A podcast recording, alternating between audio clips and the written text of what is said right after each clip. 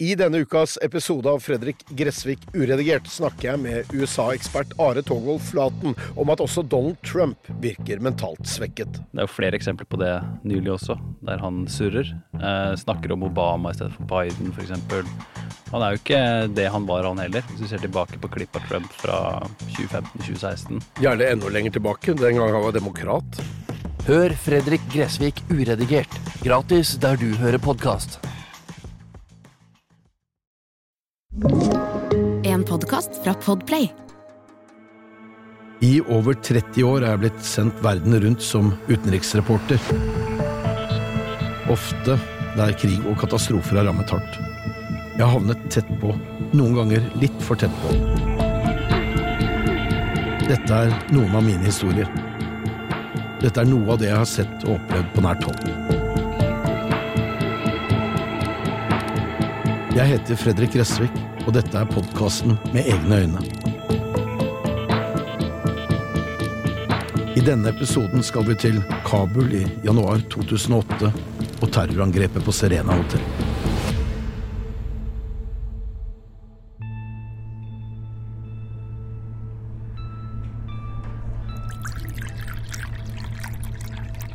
Den afghanske teen var altfor søt. Den pleide å være det, men jeg nippet til glasset og takket den unge mannen som hadde kommet inn med det. Jeg satt i en dyp lenestol på et behagelig kjølig kontor i Kabul. Skjorta var gjennomvåt av svette, forårsaket av den intense sommervarmen på utsiden. Foran meg satt sjefen for det afghanske sikkerhetsdirektoratet, Amrullah Saleh. Vi hadde hatt en rekke samtaler før jeg fikk innvilget mitt ganske spesielle ønske. To vakter kom og førte meg ut av Sales kontor og ned en korridor med flere celler på hver side. De stanset opp ved den ene. Bolter ble dratt fra, slik at døren lot seg åpne, og der sto han. Mannen som måneder tidligere hadde drept en god kollega, i tillegg til en rekke andre personer. Han hadde regelrett henrettet dem. Han var en av de to terroristene som hadde stormet inn på Serena hotell en januardag i 2008 for å drepe så mange utlendinger som mulig. Salam aleikum, sa jeg og stakk ut en hånd mot mannen som ville drept meg hvis han hadde fått sjansen. Salam, svarte han spakt. Han visste i hvilket ærend jeg var kommet. Det var ingen grunn til å tro at han så fram til dette møtet. Min oppgave er å drepe de vantro, sa Mohammed Ramadan da jeg spurte hvorfor han hadde gjort dette. Med vantro mente han oss som ikke er muslimer. Den unge mannen stirret uttrykksløst på meg, han så sliten ut. Jeg spurte ham hvorfor det var så viktig å drepe oss som ikke tilhører islam. Fordi dere vil drepe alle muslimer, fordi dere hater islam og spotter profeten. Hvordan vet du det? spurte jeg. Mullaen, svarte han lavt og siktet til sin religiøse veileder. 23-åringens celle inneholdt en seng og et skap. I et hjørne lå et bønneteppe. Det var ingen bøker der, men så kunne han da heller ikke lese. Jeg spurte ham om han kjente noe vantro. Nei, svarte han. Så begynte vi å snakke, om livet han hadde levd, og om hva som førte ham til Serena hotell. Han tok meg tilbake til en annen verden ca. 12–13 år før han stormet inn på hotellet og åpnet ild mot uskyldige. Til et enkelt liv i en av de permanente afghanske flyktningleirene som det var mange av vest i Pakistan. Til Manugar utenfor landsbyen Darsaman i Wasiristan, i en del av landet som pakistanerne kaller stammeområdet. Her hadde myndighetene minimalt med kontroll det var gamle skikker som lå til grunn for livet. Styrt av konservative mullaer, bander og terrorgrupper var dette et farlig sted. Men fortsatt ble livet ansett for å være tryggere her enn i det krigsherjede Afghanistan, der flere væpnede grupper hadde kjempet en brutal borgerkrig etter at sovjetiske okkupasjonsstyrker trakk seg ut på slutten av 80-tallet. Eller kanskje jeg heller skulle si ble jaget ut. Nå var det Taliban som var i ferd med å få kontroll over det meste av Afghanistan. Mohammed så at moren la det nybakte nanbrødet i et lite tørkle som lå på bordet. Hun ga ham en leirkrukke til å fylle vann i. Tiåringen la brødet og krukken sammen med en fløyte og et såpestykke i et sjal som han knyttet til begge endene og hang over skulderen. Lillebroren ville ikke være med, men Mohammed var glad til. Når han var alene, kunne han gjøre som han ville. Det likte han. Da kunne han spille og synge uten at faren fikk vite om det. Mohammed fylte krukker med vann fra brønnen før han løsnet geitene som var bundet til to påler utenfor det enkle huset av leire. Han førte geitene vekk fra huset og over markene. Han vinket til vennen Abdul som kom ut fra huset på den andre siden av veien. Abdul vinket tilbake og gikk mot gutteskolen, den eneste skolen i landsbyen. Forbeholdt pakistanske gutter. Mohammed og de andre afghanske flyktningbarna hadde likhet med de pakistanske jentene ingen skole å gå på. Dessuten hadde han ikke tid, det var mer enn nok arbeid som måtte gjøres. Men å passe geitene var noe av det tiåringen likte best. Da fikk han være i fred for farens mas. Mohammed gikk syngende av gårde med geitene. Dette hadde vært familiens hjem siden før han ble født. Det var ikke gitt at eh, de noensinne ville kunne flytte hjem igjen til Afghanistan. I Pakistan hadde de mat på bordet og tak over hodet, men det ble aldri et skikkelig hjem. Huset de bodde i hadde Mohammeds far Shabas satt opp sammen med noen slektninger den sommeren de hadde flyktet til Pakistan. Shabas hadde fått tak i en gammel dør og noen trestokker, Stokkene de brukte han til å holde taket av leiret oppe, til karmer, til døren og et par små vindusåpninger som slapp lys inn. Plasten som dekket vinduene når det regnet og det var kaldt, ble trukket til side på de varmeste dagene slik at trekken kjølte ned luften mellom jordveggene. Mohammed hadde aldri vært i Yusuf Kell, landsbyen foreldrene kom fra i Afghanistan, men de hadde visst ikke hatt så mange eiendeler der heller. Fra geitene fikk de melk, i stedet for å slakte dem selv ble de byttet bort eller solgt når de trengte penger. Kom det killinger, så tjente Shabazz penger på å selge disse på markedet inne i landsbyen, hvis han da ikke byttet dem bort til noe annet familien trengte. Faren til Mohammeds pakistanske venn Abdul leide ut et lite jordstykke til Mohammeds far. Det lå mellom flyktningleiren og bekken som rant litt bortenfor. Mohammed og brødrene hjalp Shabbas med jordstykket når det ikke passet geitene. Når det var tid for å så, lånte Shabbas en bøffel som kunne trekke plogen. Med en liten kjepp i hånden, plassandaler på føttene og tøyskreppen over skulderen jaget Mohammed geitene framover i det støvete landskapet. Ved bekken var det grønt gress der geitene gikk rolig rundt og spiste. Mohammed tok av seg buksen og den lange skjorten, en grå og skitten sjalvar kames. Han fisket fram såpestykket og gikk ut i bekken. Mohammed plasket litt rundt i en kulp før han gikk opp på gresset og såpet seg. Også bylten med klær fikk en omgang med såpe før han gikk ut i det kjølige vannet igjen og skylte vekk skummet. Gutten, som hadde vært flyktning i hele sitt korte liv, la klærne til tørk på noen varme steiner og tok fram fløyten som faren ikke likte at han spilte på. Han satt på huk og forsøkte å spille melodien til en tappa, en av de tradisjonelle pashtunske sangene han var så glad i. Det bodde noen få tusen mennesker i flyktningleiren Manuar. Det var som en liten, trang by, nærmest helt uten biler. Men av og til så kom hjelpearbeiderne kjørende i sine store landcruisere, hvite firehjulstrekkere med påmalte logoer. Flyktningene var helt avhengig av den hjelpen det internasjonale samfunnet stilte opp med. Pakistan hadde ikke mulighet til å håndtere den store gruppen afghanske flyktninger vest i landet på egen hånd. Vintrene i det afghanske høylandet kunne bli kalde, og det var vanskelig å holde varmen i de vedfylte husene. Kom det mye regn og jorda var tørr, strømmet av og til vannet inn i bygningene, alt ble vått. Om kveldene når arbeidet var ferdig og mennene hadde vært i moskeen, hendte det at nabomennene samlet seg utenfor Mohammeds hus for å høre siste nytt fra Afghanistan og kanskje ta seg en kopp te.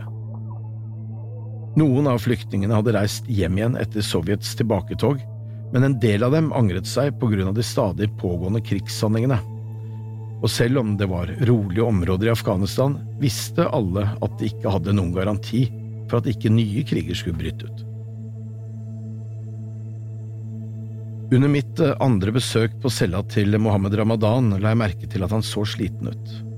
De mørke posene under øynene bidro til at han så langt eldre ut enn sine 23 år. Mye hadde skjedd i den unge mannens liv de siste par årene. Jeg vet ikke hvilke metoder det afghanske sikkerhetspolitiet benytter seg av for å få en arrestant til å samarbeide, men jeg kunne forestille meg at de klarte å få ham til å snakke hvis de ville. I alle fall hadde han fortalt mye om terrorangrepet i avhør, og hvor han kom fra, om oppveksten om radikaliseringsprosessen, ja, om hva som hadde fått den lille gutten som var så glad i å synge og spille fløyte, til å ville ta livet av uskyldige mennesker. Fangen i Kabul fortalte hvem som hadde sendt ham over grensen og hva planen hadde vært. Og om to av bakmennene som hadde sett seg ut et mål å skaffe til veie afghanske politiuniformer som skulle benyttes under angrepet.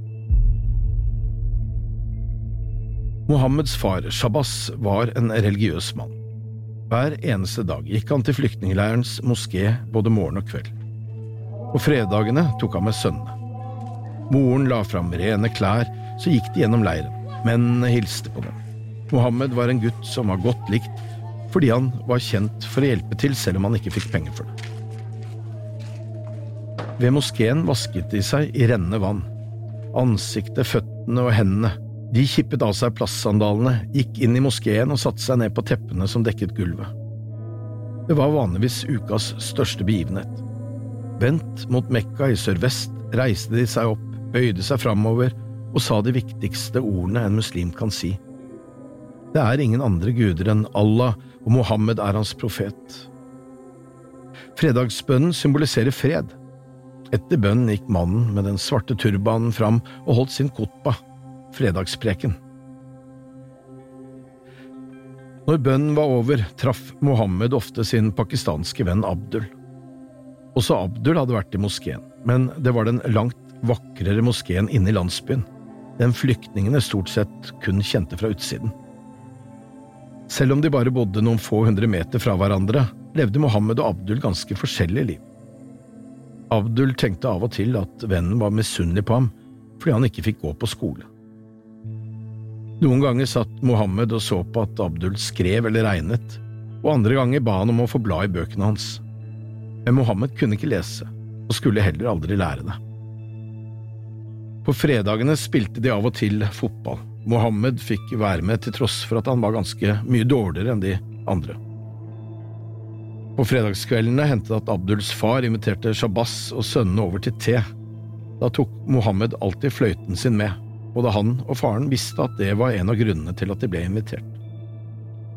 Det var alltid flere gutter og menn i huset. De samlet seg i oppholdsrommet og fikk kanskje servert granatepler og vannmelon. Mohammed elsket smaken av det røde melonkjøttet og spiste så saften rant nedover haken og på skjorten. Han spyttet ut melonsteinen i en skål.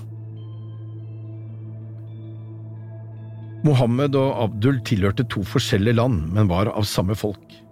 De var pashtunere og hørte hjemme i de vakre, dype dalene mellom de høye fjellene. Riktignok var de av forskjellige stammer, men gjennom det de kalte pashtunwali, tradisjonelle stammekoder, ga pashtunerne hverandre hjelp og beskyttelse når det trengtes. Mohammed både spilte og sang, foran sin forlegne, men kanskje også litt stolte far. Med lys og behagelig stemme sang Mohammed Ramadan viser som handlet om tapt kjærlighet.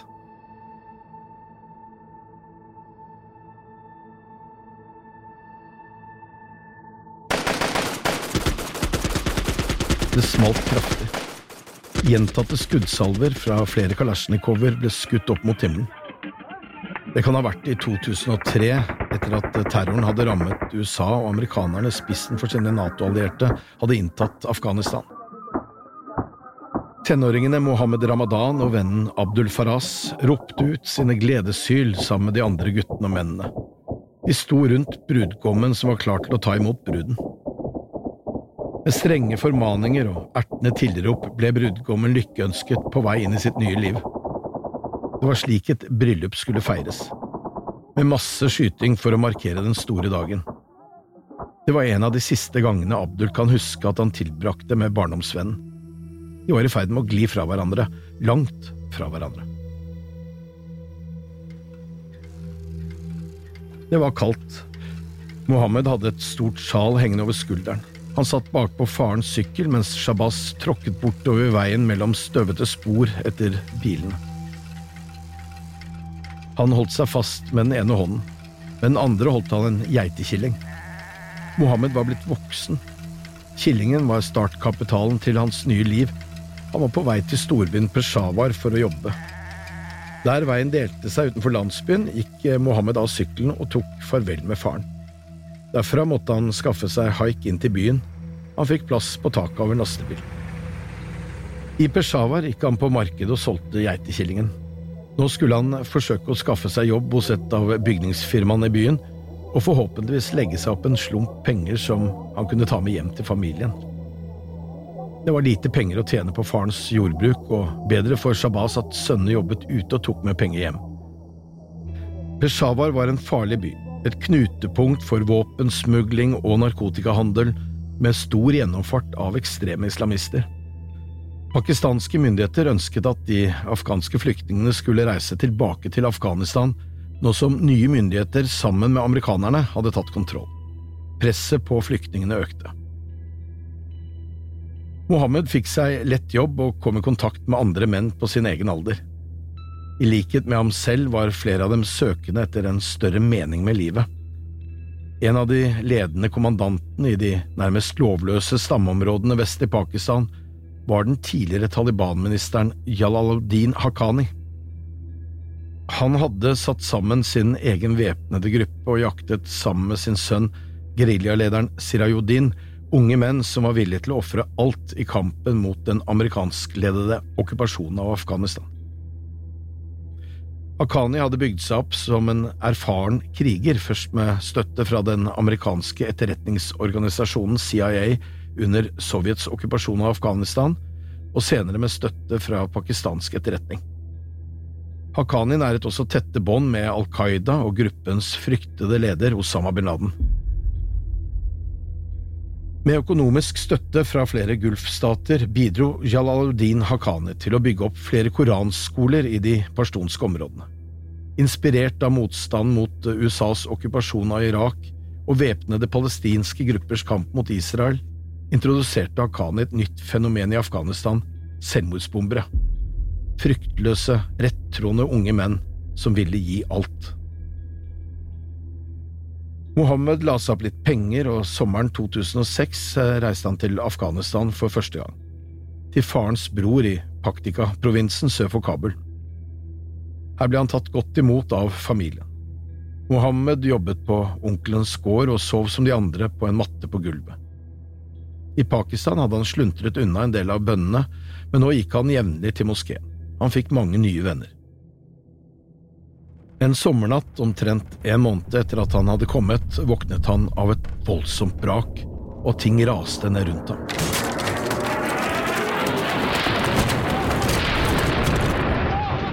Brølet fra en jetmotor kunne høres fra himmelen. På utsiden hørte Mohammed høye skrik og rop om hjelp. Nabohuset var totalt smadret. En av de som ble gravd ut av ruinene, var Mohammeds fetter. Død. Det var ingen tvil om at vestlige styrker sto bak angrepet. En daværende høytstående kilde i det amerikanske militærhovedkvarteret Pentagon har i ettertid bekreftet overfor meg at amerikanerne på det aktuelle tidspunktet bombet flere landsbyer i dette området. At sivile liv gikk tapt, var ikke uvanlig. Da Mohammed Ramadan vendte tilbake til Pakistan noen måneder senere, var han en sint ung mann. Barndomsvennen Abdul Faras kjente knapt igjen sin gamle kompis. Han hørte ham aldri synge eller spille fløyte igjen. Mohammed fikk nye bekjentskaper og ble invitert til en koranskole eller madrassa i landsbyen Sargari i Hangu-distriktet, bare noen kilometer fra barndomshjemmet. Han ble en student og fikk bo ved skolen som bar navnet Jamia Ulum Islamia. Av vestlig etterretning ble denne koranskolen oppfattet som en ren terrorfabrikk. Gjennom vinteren fulgte Mohammed undervisningen. Av mullaene fikk han høre om de vantros okkupasjon av hjemlandet og om Vestens krigføring mot deres muslimske brødre i en rekke andre land. Mohammed var blitt en student, en talib.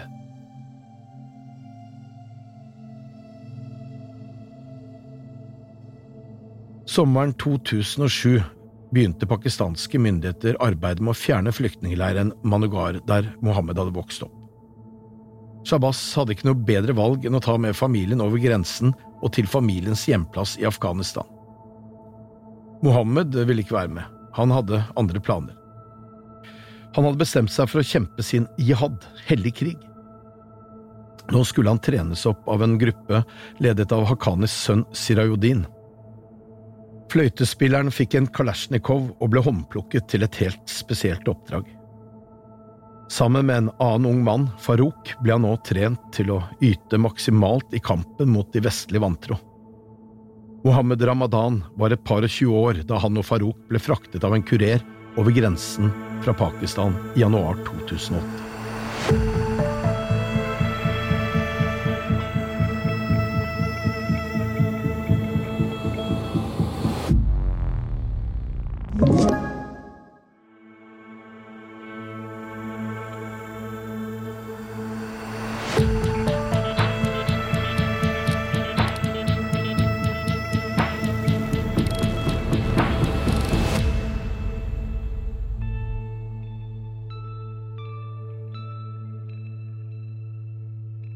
Tidlig på ettermiddagen 14. januar fløy et lite privatfly over de mektige Hindukush-fjellene og startet nedflygningen mot Kabul. Om bord i flyet var Norges utenriksminister Jonas Gahr Støre. I tillegg til et par medarbeidere fra UD var det også væpnede vakter fra livvakttjenesten ved Politiets sikkerhetstjeneste om bord. Og så var vi sju journalister fra flere norske mediehus. Ved ankomst ble vi skysset med politieskorte fra den militære flyplassen inn gjennom Kabul sentrum og til det kanskje best bevoktede hotellet i den afghanske hovedstaden, Serena. Et tre etasjer høyt hotellkompleks som lå vegg i vegg med den australske ambassaden. Rundt hele kvartalet strakte det seg en høy mur. Ved inngangspartiet sto vakter væpnet med automatvåpen. Både folk og biler måtte i utgangspunktet gjennom et slusesystem som skulle gjøre det nærmest umulig for uønskede å ta seg inn på hotellområdet. Vår kortesje var forhåndsklarert og suste inn i borggården. Vi kom oss inn på hotellet og fikk tildelt rom. På grunn av liten plasskapasitet på det innleide flyet som hadde fraktet Jonas Gahr Støre fra Pakistan til Kabul, var det en norsk journalist som måtte komme seg til Kabul med et FN-fly som landet litt seinere. Karsten Thomassen fra Dagbladet. Jeg hadde kjent Karsten i en årrekke og truffet ham på reiser i Midtøsten og Afrika. Vi som var på plass, ble bedt om å møte opp i hotellobbyen for en brief om det kommende besøket og sikkerhetstiltakene vi var omgitt med. Kommunikasjonsrådgiver Bjørn Svennungsen fra UD deltok på møtet. Da Karsten ankom Hotell Serena noe senere, var jeg på hotellrommet mitt. Sammen med min makker gjennom en årrekke, TV 2s fotograf Åge Aune, skulle jeg redigere sammen en sak på Støres besøk i Pakistan og det forestående besøket til Afghanistan, til TV 2s kveldssending. Fordi Karsten ikke hadde vært på samme fly som oss, hadde han heller ikke fått intervjuet Støre. Derfor hadde han gjort en avtale om å møte utenriksministeren i resepsjonsområdet på hotellet ca. klokken 18. I et møterom i kjelleren på Serena satt Jonas Gahr Støre i et møte med den afghanske menneskerettighetsaktivisten Sima Samar. I lobbyen sto Karsten Thomassen sammen med Scanpix-fotograf Stian Lysberg Solum og ventet. I borggården satte den norske diplomaten Kai Eide seg inn i en av ambassadens skuddsikre biler, omtrent samtidig som en bil med Kirkens Nødhjelps representant Gry Synnevåg ble sluset inn fra gaten på utsiden. I kvinnegarderoben på hotellets treningssenter var den norske bistandsarbeideren Randi Gams, som akkurat hadde avsluttet dagens treningsøkt. Jeg sto på rommet mitt og snakket i telefonen med en kollega i hjemmeredaksjonen. En bil stanset opp i gaten utenfor Serena. I bilen satt Mohammed Ramadan og Farouk med bombebelter under de afghanske politiuniformene de var ikledd. Begge hadde håndgranater og skarpladde kalasjnikover. Bak rattet i bilen satt en mann ved navn Homayon. Det var mørkt i den afghanske hovedstaden. Idet bilen med Kai Eide kjørte inn i slusen, åpnet Farouk og Mohammed bildørene, gikk ut, dro opp våpen og stormet mot inngangspartiet til Serena hotell. Minst to håndgranater ble kastet mot vaktene for å sette dem ut av spill. De to unge mennene løp gjennom slusene mens de skjøt på automat fra hofta. Flere vakter ble truffet og falt om.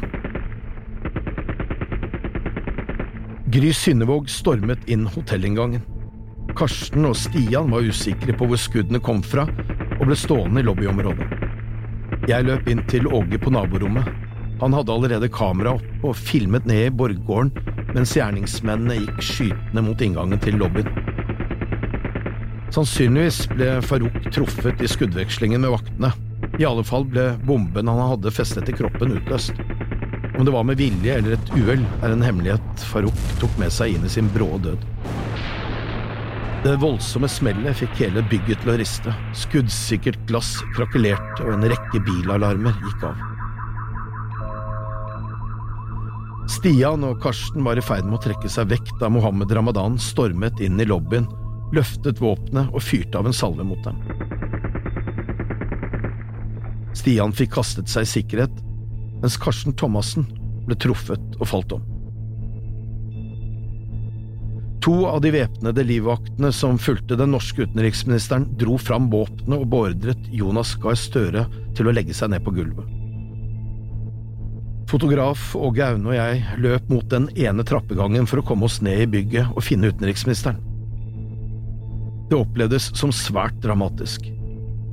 Kruttrøyken fra selvmordsbomben kunne kjennes tydelig. To etasjer under oss løp Mohammed Ramadan inn i hotellets spaanlegg, der han fyrte av to skudd i brystet på en filippinsk kvinne. Den amerikanske hjelpearbeideren Lisa Gans presset seg inn i et skap med håndklær. Mohammed løp inn i herregarderoben der den norsk-ættede amerikanske bistandsarbeideren Thor Hesla akkurat hadde fått på seg klærne etter endt treningsøkt. Hvor mye Thor forsto før han ble truffet av en kule midt i ansiktet, er det ingen av oss som vet.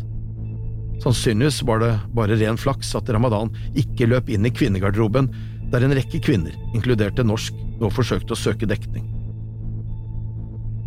Drapsmannen i politiuniform løp ut av spaanlegget og fyrte av en ny salve mot Karsten som lå dødelig såret på gulvet. Han fortsatte gjennom lobbyen og rett mot det området vi nå var på vei til. Mohammed Ramadan skjøt og drepte en resepsjonist som ikke hadde klart å skjule seg godt nok. Diplomaten Bjørn Svennungsen løp så fort han kunne vekk fra lobbyområdet med en bunke norske pass i den ene hånden, men kulene innhentet ham. En streifet ansiktet, mens en annen gikk rett inn i ryggen og gjennom den ene lungen. Han kastet seg inn i en gang og tenkte at hans siste time var kommet. Skuddene mot Bjørn var så tett på at vi bråsnudde og kom oss tilbake til Åges hotellrom. Der var en rute skutt i stykker. For Mohammed Ramadan så hele lobbyområdet tomt ut. Han hadde utført første del av oppdraget sitt, og skulle egentlig fortsette, men så ingen som ikke allerede var skutt. Den unge mannen som hadde stilt seg til rådighet for islamistene i Haqqani-nettverket og drept flere mennesker, bestemte seg nå for at han ville forsøke å redde sitt eget liv, og gikk mot bassenget i hotellets hage. Der tok han av seg uniformen og bombebeltet og la det inn i noen busker, sammen med kalasjnikoven og en rekke magasiner fulle av patroner. Inne i garderoben fant han en boblejakke som han tok rundt seg, usikker på hva han nå skulle gjøre. Planen hadde aldri vært at han skulle overleve. Skytingen hadde stilnet. Jeg varslet TV 2s nyhetsredaksjon hjemme i Norge om at vi var blitt angrepet. I kjelleren var livvaktene opptatt av å sikre den norske utenriksministeren så godt som de kunne. VGs svært erfarne krigsfotograf Harald Henden gikk ned fra sitt rom og fant Karsten Thomassen. Harald forsto raskt at situasjonen var kritisk for kollegaen fra Dagbladet. Åge og jeg gikk på nytt ned i resepsjonen for å se om vi kunne finne Støre. Utenriksministeren selv varslet nå sin egen sjef, statsminister Jens Stoltenberg, om hva som hadde skjedd. Den norske diplomaten Merete Dyrud fant nå sin hardt skadde kollega Bjørn Svennungsen. Det første som møtte meg da jeg kom inn i lobbyområdet, var to irske sikkerhetsvakter med pistolene hevet. Er det trygt her? spurte jeg. Vi vet ikke ennå, svarte han ene. På gulvet i lobbyen, like ved der vi bare kort tid i forveien hadde fått en sikkerhetsbrief, lå en bunke norske pass. Jeg plukket dem opp, et av dem var mitt. Det var Bjørn Svennungsen som hadde tatt vare på passene siden vi hadde passert gjennom den militære delen av flyplassen noen timer tidligere. Fra stedet der passene lå, gikk et ferskt blodspor gjennom lobbyen og mot en svingdør på baksiden av baren. De to irske livvaktene, Åge og jeg, fulgte blodsporet. Åges kamera rullet fortsatt. På andre siden av døren, delvis skjult bak et skjermbrett, lå Bjørn Svennungsen i en dam av blod. Merete Dyrud satt sammen med ham og forsøkte å hjelpe. Irene var godt trente og tok raskt kontroll på situasjonen. Åge løp opp for å hente vår førstehjelpsbag. Jeg rev en duk som kunne fungere som forbinding av et bord. Det var mye blod, både i Bjørns ansikt og på gulvet rundt ham. Den norske diplomaten var sterk og godt trent. Han strittet hardt imot da vi rev av ham genser og skjorte for å få oversikt over skadeomfanget. Men så øynet småbarnsfaren et håp om å overleve, og bestemte seg for å bite smerten i seg. Sammen med den ene iren løp jeg inn i baren for å finne utstyr som kunne komme til nytte. Jeg tok med meg en bunke tøyservietter, mens iren rev en tynn slange av en av dispenserne. Slangen ville han bruke til å sikre Bjørn frie luftveier. Iren beordret meg til resepsjonen for å få hjelp til å skaffe en ambulanse. Resepsjonisten lå død i en dam av blod. Delvis skjult av en betongsøyle så jeg kollega av VGs mangeårige utenriksjournalist Per Olav Ødegaard. Han var kommet i samme ærend som meg, og kunne fortelle at Karsten var skutt og hardt skadet, men at Harald jobbet med å stabilisere ham etter beste evne. I resepsjonen var det ikke hjelp å få. Vi løp begge tilbake der vi hadde kommet fra for å se om vi kunne hjelpe. Jeg slo nummeret til en av diplomatene i utenriksministerens følge og forklarte situasjonen raskt. To nordmenn skutt og skadet, vi trengte hjelp til evakuering. Den norske militærforlegningen ved basen på flyplassen ble varslet og alarmen gikk. Et pansret kjøretøy med lege ble sendt i all hast til Serena hotell. I gangen utenfor møterommet i kjelleren sto en av politiets livvakter nå med en halvautomatisk rifle hevet. Et fullt magasin var satt i. Den norske utenriksministeren skulle beskyttes, om det så betydde at livvaktene måtte ofre egne liv. Det er livvaktenes oppgave. Nådeløst brutalt. Åge og jeg la igjen en del førstehjelpsutstyr hos Bjørn og tok oss gjennom lobbyen til området der Karsten lå. Resten av det norske journalistkorpset var nå i ferd med å samles der. Noen iført sikkerhetsutstyr, andre ikke. Det hadde gått fort for seg. Harald hadde oversikt over det omfattende skadeomfanget og jobbet på spreng for å stabilisere Karsten. På ny ringte jeg UD-delegasjonen i kjelleren. Mens jeg halvveis lå og satt ved siden av Karsten, både for å trøste ham og for å bidra til å stanse blødningene, forklarte jeg at situasjonen var alvorlig. Med tanke på Bjørns enorme blodtap sa jeg, som sant var, at eh, jeg ikke trodde han kom til å klare seg, men at det sikkert ville gå bra med Karsten. Å underkommunisere alvoret ved Karstens skader var selvfølgelig en tabbe, men han kunne høre alt jeg sa. Den norske panservognen var nå på vei mot Serena, og mannskapet forberedt på å håndtere en såkalt masseskade. Å forklare andre nordmenn akkurat hvor i bygget vi befant oss, var komplisert.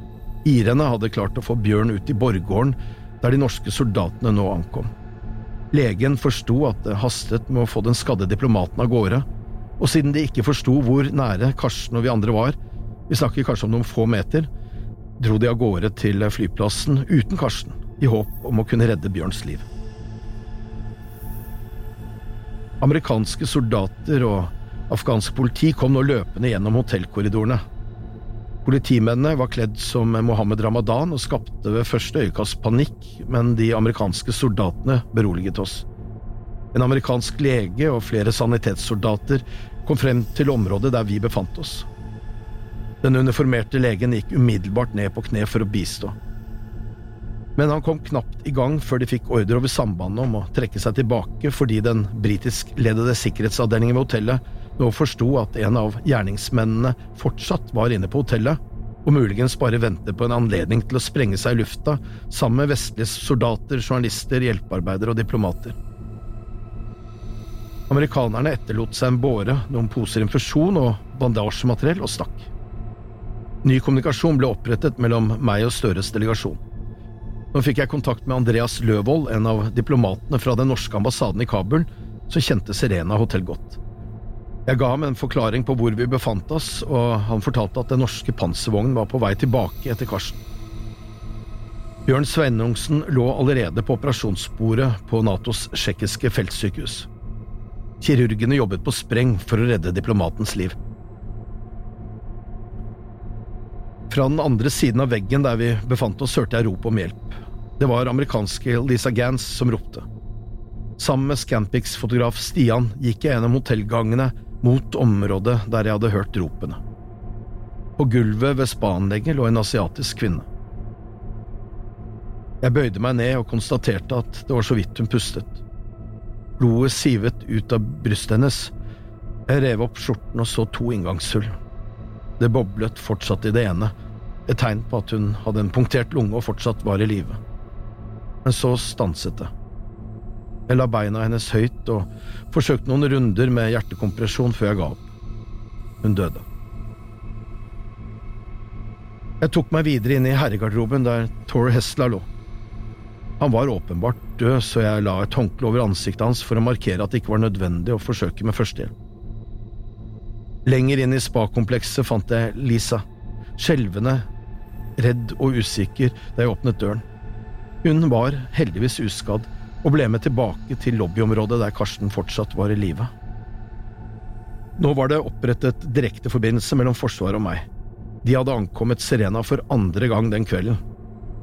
Vi fikk Karsten opp på båren og bar ham ut i den kjølige og dramatiske Kabul-kvelden. Båren ble løftet inn i panserbilen der en norsk lege sto klar. Harald Henden ble med for å orientere om skadeomfanget. Der ute var dramaet minst like tydelig som inne på hotellet. Vi sto omtrent der Farouk hadde sprengt seg selv i lufta. Hotellveggen var dekket av menneskeblod. Vi trakk oss inn. En etasje over oss gikk Mohammed Ramadan i korridoren. På ny veltet amerikanske soldater inn på hotellet sammen med væpnede politifolk og sikkerhetsvakter. De løp gjennom hotellet med skuddklare våpen. Vi ventet. Plutselig oppsto det mye støy i form av høylytte ordre som ble skreket ut på engelsk. Mohammed Ramadan ble pågrepet. Med en rekke våpen rettet mot seg tok han sakte av seg klærne for å vise at han ikke lenger var ikledd en bombevest. Han ble lagt i jern og slept inn i en bil. Hans frihet var over, i alle fall for nå. Hjemme i Norge var nyheten om angrepet for lengst sluppet ut. Med fullt av langt viktigere oppgaver hadde jeg gjort det klart for redaksjonene at TV 2s nyhetssendinger kom i andre rekke. Men nå var jeg klar til å rapportere på lufta. Jeg fikk sendt den første rapporten og bekreftet at nordmenn var blitt såret i angrepet.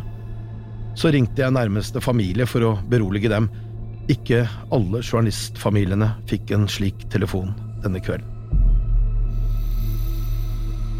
En av livvaktene til utenriksministeren kontaktet meg og ba meg samle sammen eh, journalistene som var igjen på hotellet. Noen minutter seinere kom han eh, drassende på to svære bager. Han ba meg ta den ene. Med en bag med våpen og førstehjelpsutstyr i hendene fulgte jeg etter livvakten ned i hotellets kjeller. I korridoren passerte vi enda en norsk politivakt med en halvautomatisk rifle. Litt lenger bort sto en mann med vestlig utseende med en pistol i hånden. Vi gikk inn i hotellets personalkantine, som nå fungerte som et samlingspunkt. I et hjørne av kantina sto Støre med sin delegasjon. Underveis hadde den norske utenriksministeren fått delvise oppdateringer via meg og andre om dramaet som hadde utspilt seg en etasje opp fra området han selv hadde vært i med stor omsorg ba han oss om å fortelle om hva som hadde skjedd. To personer i Støres følge var skutt. Om de ville overleve, var helt uvisst. Men det føltes godt å vite at begge nå ble tatt hånd om av proffe krigskirurger ved det tsjekkiske feltsykehuset i Nato-leiren ved flyplassen i Kabul. Biler fra det amerikanske sikkerhetsfirmaet Blackwater var ankommet Serena hotell for å hente resten av utenriksministerens følge. Vi kom oss opp og ut av hotellet og tok plass bak væpnede menn med skuddsikre vester. I god fart bar de gjennom den kveldsmørke byen, inn gjennom portene i NATO-leiren og mot den delen der de norske soldatene holdt til. Til alt overmål var Forsvarets stressmestringsteam tilfeldigvis på gjennomreise. De skulle få nok å ta tak i. Da vi kom inn i nordmennenes oppholdsrom, som egentlig besto av to konteinere som var satt sammen, ble Jonas Gahr Støre tatt til side. At beskjeden han fikk ikke var god, kom tydelig fram av ansiktsuttrykket hans. Han stilte seg opp foran oss og tok ordet. Bjørn er død, tenkte jeg. Alt det blodtapet kan han umulig ha overlevd. Idet utenriksministeren begynte å snakke, la statssekretær Gry Larsen en arm rundt meg. Hun visste at Karsten og jeg hadde reist mye sammen. Jeg forsto nå hva Støre skulle fortelle oss. Det var usigelig trist, vondt og opprørende å få meldingen om Karsten Thomassens død. Mens utenriksministerens delegasjon ble forlagt i den norske delen av leiren, ble vi journalister tildelt en plass i den danske delen der rom allerede var klargjort for oss. Vi satt opp og snakket sammen deler av natten. En dansk soldat sørget for stadig tilgang på te, kaffe og mat. Neste dag ble det bestemt at Jonas Gahr Støre og deler av hans delegasjon skulle returnere til Norge med det innleide flyet. Også vi journalister ble tilbudt plass, men TV 2-fotograf Åge og jeg bestemte oss for å bli til Karstens kiste var klar for å flys hjem til Norge i et av Forsvarets fly. Vi brukte dagen på å redigere sammen en flere minutter lang dramatisk sak om angrepet. Utfordringen lå i å spare de hjemme for de mest blodige bildene. Etter et par dager med kraftig snøvær og stengt flyplass var et av Forsvarets fly nå på plass for å fly soldater hjem til perm. Foran i flyet ble Åge og jeg tildelt plasser sammen med en av Støres statssekretærer og Kai Eide. Under oss, i flyet, lå en trekiste. Da vi ankom Gardermoen sent på kvelden, forsto jeg hvor mye angrepet på Surena hotell hadde betydd i Norge. Den norske utenriksministeren hadde unnsluppet, men Mohammed Ramadan hadde skutt to nordmenn, en av dem døde. Jeg avviste ønsker om intervjuer og tok plass i den militære hangaren, i påvente av at kisten skulle trilles inn. Seremonien som fulgte, ble direktesendt både på NRK og TV 2. Da hangarportene gikk til side og Karstens kolleger fra Dagbladet kom trillende med kisten, etterfulgt av Karstens samboer og deres to små døtre, ble det for mye. Tårene rant. Noen dager senere var Vestre Aker kirke i Oslo stappfull. Et helt Presse-Norge tok farvel med en av de beste. I Kabul brakte etterforskerne fra det afghanske sikkerhetspolitiet raskt på det rene hvordan hendelsen hadde utspilt seg. En rekke overvåkingskameraer rundt og på Sirene hotell viste med tydelighet hvordan Mohammed Ramadan hadde løpt gjennom hotellet i politiuniform og skutt forsvarsløse mennesker før han valgte å forsøke å redde sitt eget liv. Den en gang fløytespillende gutten som gjette familiens geiter, ble dømt til døden tre og en halv måned etter angrepet, men var fortsatt ikke blitt henrettet ved henging da jeg oppsøkte ham på cella sommeren 2008. Angrepet viste med tydelighet at eh, sikkerhetsrutinene måtte endres, slik at eh, medreisende journalister får tilgang til all relevant sikkerhetsinformasjon, for på den måten å være bedre i stand til å ta riktig valg når det først smeller. I etterkant av angrepet ble jeg invitert til en åpen høring i Stortinget der jeg understreket nettopp dette poenget. To og et halvt år etter angrepet viste dokumentlekkasjer fra Wikileaks at vestlig etterretning hadde en detaljert forståelse av hvordan et ventet angrep på Serena hotell ville gjennomføres. Denne informasjonen ble delt med deler av delegasjonen, men ikke med medreisende journalister. Det er ikke sikkert noe ville vært annerledes om vi hadde kjent detaljene i planene, men det kan være at noen av oss hadde reagert på en annen måte enn det vi gjorde. I mai 2009 ble jeg bedt om å møte opp på politihuset i Oslo. Det føderale amerikanske politiet, FBI, ønsket å intervjue meg om hendelsesforløpet fordi jeg hadde funnet den amerikanske borgeren som ble drept. Amerikanerne forsøkte å få Mohammed Ramadan utlevert fra Afghanistan slik at han kunne stilles for retten i USA, men ønsket ble avvist. I stedet ble den unge mannen sittende i fengsel i Afghanistan fram til 2020. Daværende president i USA, Donald Trump, hadde gått til valg på å avslutte det han kalte USAs evigvarende og meningsløse kriger. Det var et valgløfte han hadde tenkt til å holde. Pentagon la en plan for en total uttrekking av Afghanistan i løpet av 2021. Bevisste på at amerikanske og allierte soldater var spesielt sårbare i nedbyggings- og tilbaketrekkingsfase, inngikk amerikanerne en avtale med Taliban og gruppens allierte, inkludert Haqqani-nettverket. Taliban skulle avstå å angripe amerikanerne i denne fasen, mot at flere hundre av gruppens krigere ble løslatt. Mohammed Ramadan var en av de som ble sluppet ut av fengsel. Tolv år etter at han drepte Karsten Thomassen og en rekke andre. Taliban respekterte avtalen med amerikanerne og gjennomførte ingen dødelige angrep mot dem det siste halvannet året av Afghanistan-krigen. Da Taliban plutselig og uventet tilrannet seg makten i Afghanistan under siste fase av tilbaketrekkingen i august 2021, tok de over regjeringskontorene i Kabul. Lederen for gruppen som gjennomførte angrepet på Serena hotell, Sirayuddin Haqqani, ble utnevnt som Afghanistans nye innenriksminister. Hvor Mohammed Ramadan er i dag, og hva han bedriver, har jeg ikke klart å finne ut av. Kanskje angrer han fortsatt på at han gjennomførte angrepet? Kanskje er han rett og slett stolt av sine handlinger? Uansett hvor galt det går ham her i livet, min sympati, den får han aldri.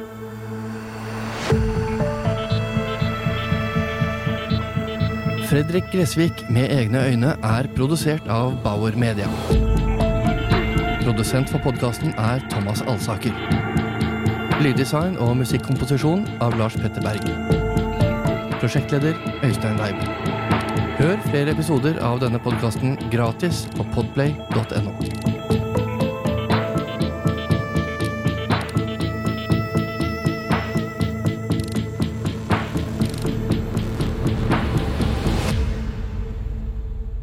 Du har hørt en podkast fra Podplay. En enklere måte å høre podkast på. Last ned appen Podplay, eller se podplay.no.